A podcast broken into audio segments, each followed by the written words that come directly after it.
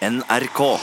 Nå skal vi høre at altfor mange norske journalister og kommentatorer har vært eh, kritiske til teaterstykket 'Ways of Seeing' uten å ha sett det. Det mener Trygve Aas Olsen, fagleder ved Institutt for journalistikk. Han er lite imponert over hvordan mediene har håndtert konflikten mellom Black Box-teatret og Tor Mikkel Waras samboer. Han mener samboeren, som nå er siktet av Politiets sikkerhetstjeneste, fikk sette premisset for hele mediedekningen.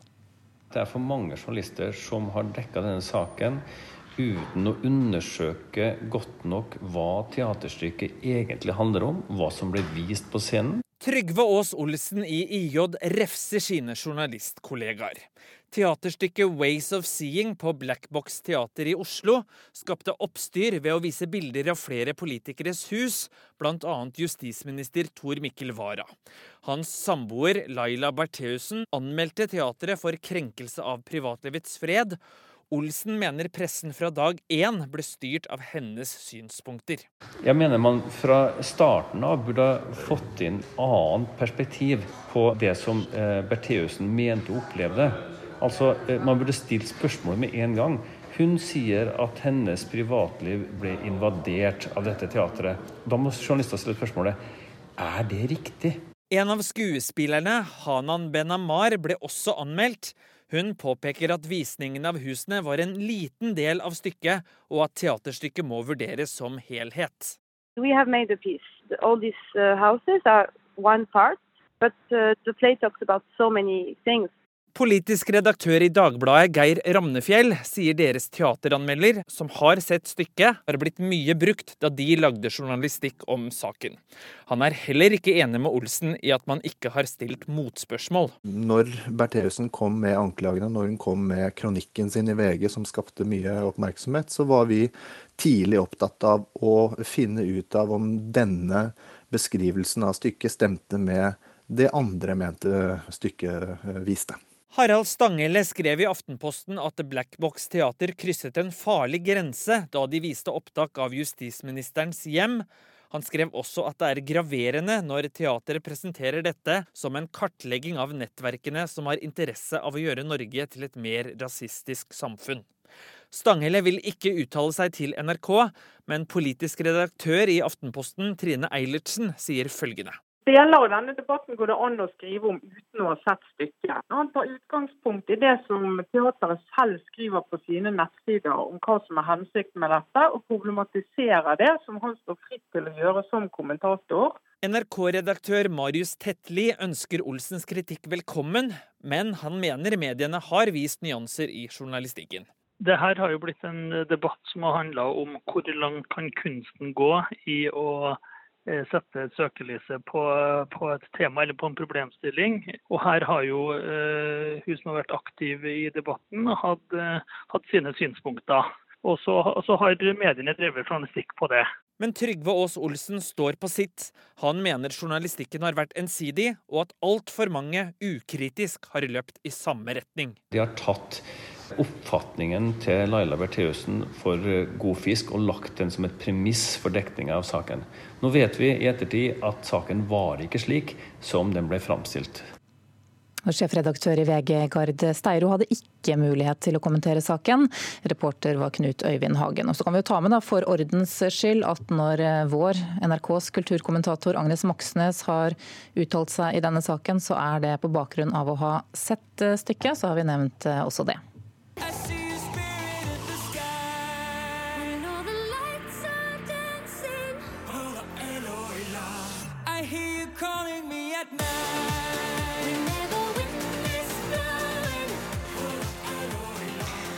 Dette er eh, årets norske vinner av Melodi Grand Prix, Keiino, som altså skal representere Norge i Tel Aviv i mai. De vant finalen som gikk av stabelen i Oslo Spektrum, men neste år så blir det endringer. Da kommer delfinalene tilbake for første gang siden 2014. Totalt blir det seks programmer med finalen, og prosjektleder for MGP, Stig Karlsen, eh, god morgen. God morgen.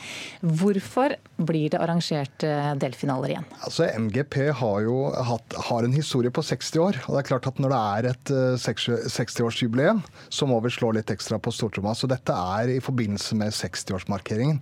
Og folk har ønska seg mer MGP, og det er klart at da må vi gi det. Vi gir det folket ønsker seg. Og en skikkelig 60-årsfeiring, det, det, skal vi koste på oss. Okay, så det har vært et folkekrav om delfinaler? Det er mange som har ønska seg dette. Jeg tror dette er en veldig fin dag for uh, veldig mange. Som, som, du var innom, så er det også et uh, lite jubileum neste år. Vi skal høre på dette her. Opp i fjellet hører du denne hilsen fra meg. Voi, voi, jeg vil fortelle at jeg venter på deg. For Det er altså 60 år siden Voi Voi vant og ble vårt første bidrag i Melodi Grand Prix. Hvordan kommer det til å prege programmet? Eh, jo, altså det er jo eh, altså Dette er en veldig ung 60-åring, vil jeg si. For eh, MGP har klart å fornye seg hele tiden. Det har, eh, så det er en veldig sånn moderne og ung 60-åring. Så at eh, det kommer til å både være det nye eh, norske musikken, den populærmusikken som folk hører på i dag, og så kommer det til å være en feiring av de 60 årene som har vært. Så det, det kommer til å bli veldig, veldig bra. Hva, hva er fordelene med delfinaler? Eh, vi får jo en mulighet til å vise fram mer eh, musikk. Eh, flere artister. Større variasjon. Og så får vi muligheten til å bli kjent med artister over litt lengre tid. Og bygge en spenning. Så det, det kommer til å bli veldig, veldig bra. Ok, Men det var vel en grunn til at, de ble, at det ble avlyst òg, eller? Nå var ikke jeg en del av, av produksjonen den gangen. Men så valgte man å satse på, på én finale. Eh, og nå er tida moden for å kjøre på igjen. Også spesielt da i forbindelse med en 60-årsmarkering, så må vi gjøre litt ekstra ut av det. Ja, og det er altså neste år. Før den tid så er det altså Eurovision i Tel Aviv. Hvordan ligger dere an med forberedelsene til det? Det er helt fantastisk. Vi har en fantastisk artist i Keiino. Uh, 'Spirit in the Sky' ligger på hitlisten. Har nå ligget uh, på tredjeplass i to uker. Uh, den strømmes jeg tror det er 150 200 000 strømminger hver dag, som er masse. og de er veldig sånn tente og klare, og bøssen ute i Europa rundt Norges bidrag er veldig, veldig stor. Så at nå har vi sjansen til å gå helt til topp, så den, den skal vi ta. Vi skal jobbe hardt for å løfte løfte Keiino opp og frem mot eh, finalen da i, eh, i Tel Aviv. Men Hvem blir de argeste konkurrentene, tror du? Eh, Sveits har en veldig god låt. Nederland ligger nå på toppen av oddsen. Sverige er alltid en tøff konkurrent, så jeg mener uansett om vi skulle gå til topps eller ikke, vi, vi, vi, vil jo slå svenskene, ikke sant. Det er jo mye av konkurransen er, å slå svenskene òg. Og de er tøffe i, i Eurovision-sammenheng, så vi, vi får se hvordan det går. Lykke til, Stig Karlsen, prosjektleder for eh, MGP. Fra Melodi Grand Prix til opera.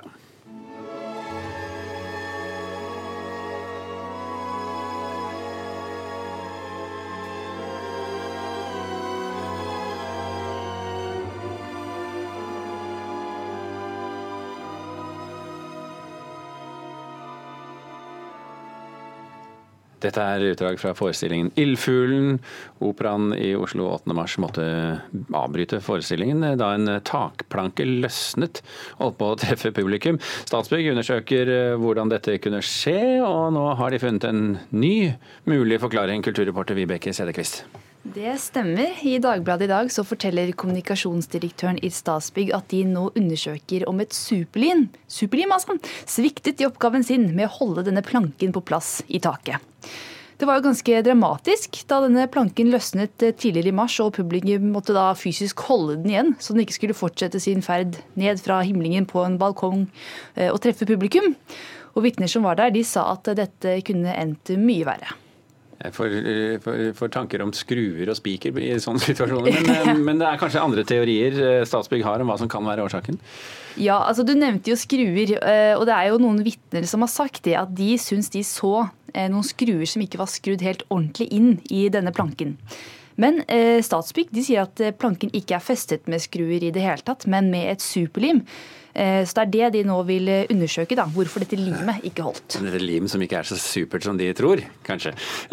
Konsekvenser da? Har det fått eh, noen konsekvenser for publikum? Jo, det har jo det, fordi operaen måtte jo sperre av disse balkongene for å sikre de, og for også å være sikre på at ikke flere planker skal falle ned derfra.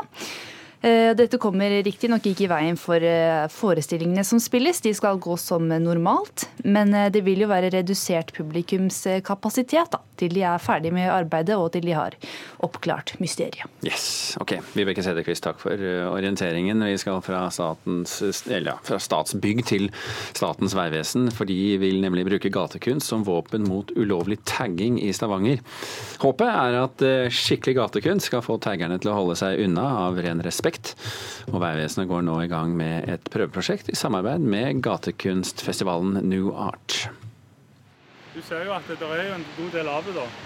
Så er det vel kanskje mest utsatt her i, i byene strøk, da, men eh, Prosjektleder Truls Kolnes i Statens vegvesen viser oss tagging på betongveggen som leder ned til undergangen ved teatret i Kannik i Stavanger.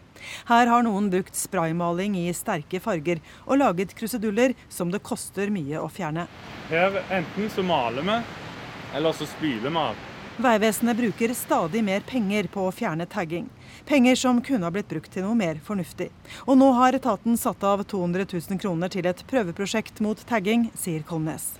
Her skal vi få til et samarbeid med Nuart. og Det går på at de skal dekorere disse veggene vi ser bak oss her, med kunstverk. da. Så det håper vi kan eh, spare oss for mye penger. Vegvesenet har blitt enige med gatekunstfestivalen Nuart om å få til et pilotprosjekt i Kannik. De flislagte veggene inne i selve undergangen får som regel stå i fred og skal ikke røres. Men betongveggene som leder ned til undergangen skal nå bli dekorert med profesjonell og gjennomtenkt gatekunst, sier Kolnes. Nå har vi jo tagging i alle undergangene våre. Det er jo grå betongflater. Ikke veldig innbydende, men veldig innbydende for, for de som tagger. da. Så ønsker vi å prøve å se, hvis Nuart kommer på banen og lager noe fargerikt, noe flott, altså noe som gir en opplevelse for de som går igjennom, at det kanskje da taggeren òg ser at det, det er noe som samfunnet setter pris på, og, og kanskje lar det være i fred. da. Vi har jo som mål å fjerne all tagging som regnes som hærverk fortest mulig. Og da håper vi jo da at med å prøve heller å dekorere undergangen, at vi, vi, heller kan få noe fint igjen for de pengene. da. Foreløpig er det ikke avklart hva som skal komme på veggene i Kannik, eller når det skal skje, men erfaringene etter 18 år med Nuart i Stavanger er at taggerne ofte holder seg unna vegger med gatekunst. I graffitimiljøet finnes det visstnok uskrevne regler om at disse ikke skal røres eller tagges over. Dette kommer jo opp, for vi ser jo på Nuart, det er jo veldig synlig i gatebildet, altså rundt om i bydeler og alt. og, og jeg føler jo at det bidrar, gir noe tilbake igjen til det, det lokalsamfunnet det er i, det kunstverket. Og, og, vi ser jo at det forstår mye i fred. da. Dette er jo folk som har begynt som taggere og blitt eh, gatekunstnere. Jeg håper jo på samme effekten her òg, men som sagt, det er et prøveprosjekt, så det må vi nesten bare se etter hvert som tida går.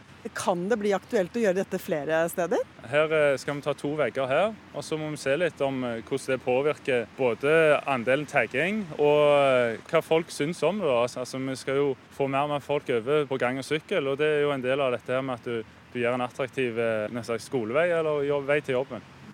Ja, det var Stavanger. Reporter her, Anette Johansen Espeland. Britiske forskere mener nå at de gjennom DNA-tester endelig har løst et av de største kriminalmysteriene i historien. De mener å ha identifisert seriedrapsmannen kjent som Jack the Ripper. Han skal ha drept minst fem prostituerte kvinner i London i 1888, men så ble han altså aldri tatt. Nye DNA-tester forskerne har gjort, peker ut den 23 år gamle polske frisøren Aron Kosminski.